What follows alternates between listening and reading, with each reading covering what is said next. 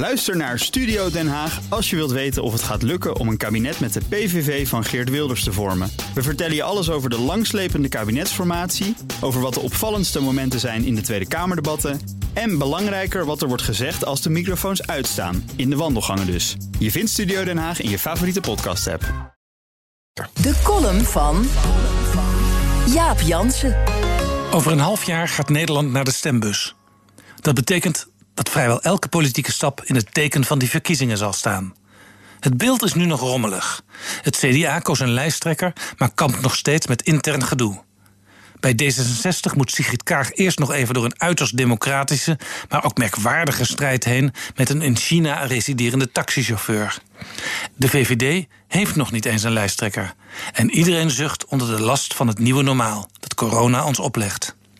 De peilingen verkeren in een pruttelfase. Zoals meestal scoren regeringspartijen wat lager, behalve de partijen die het voordeel heeft van de premierbonus. Van een kopgroep is nog geen sprake. Parijs is nog ver. Met zoveel onzekerheden is het nuttig alvast naar de inhoud te kijken. Waar willen de partijen de komende periode met Nederland naartoe?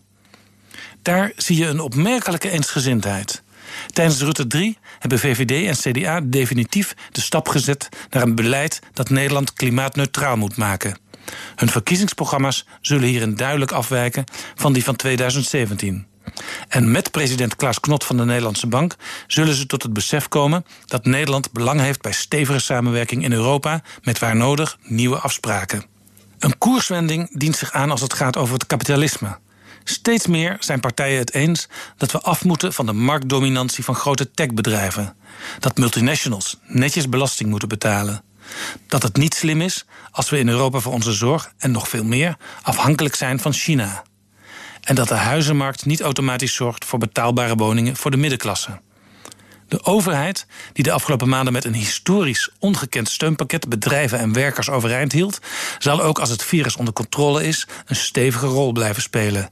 Met als allereerste taak de komende jaren het bevorderen van werk, werk, werk, om met Wim Kok te spreken. Hiermee kruipen de regeringspartijen inhoudelijk dicht tegen Partij van de Arbeid en GroenLinks aan. Pas op, wel anderhalve meter aanhouden. Zonder dat we de verkiezingsuitslag kennen, ligt het voor de hand dat een nieuw kabinet wordt samengesteld uit vier, misschien vijf van deze zes partijen. De vraag is of dat kabinet opnieuw onder leiding staat van Mark Rutte. Partij van de Arbeid en CDA betwijfelen dat. Zonder visie is Rutte niet geschikt ons land de volgende fase in te leiden, zei PvdA-leider Lodewijk Asscher deze week in Nieuwspoort. Kan Rutte zichzelf inhoudelijk wel opnieuw uitvinden, schamperde CDA-fractievoorzitter Pieter Heerma ook in Nieuwspoort. Rutte zal er niet bang van worden. Die visie krijgt hij straks aangeleverd in een nieuw programma, geschreven door Uri Rosenthal. En daarin staan precies die dingen die ik net al noemde. En Rutte tegen de rest is in een verkiezingscampagne geen slechte uitgangspositie.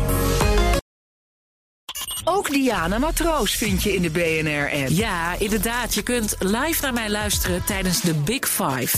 Ook handig in de BNR-app. Breaking nieuwsmeldingen, maar ook het allerlaatste zakelijke nieuws. En je vindt in de app alle BNR-podcasts, waaronder Wetenschap Vandaag. Download nu de gratis BNR-app en blijf scherp.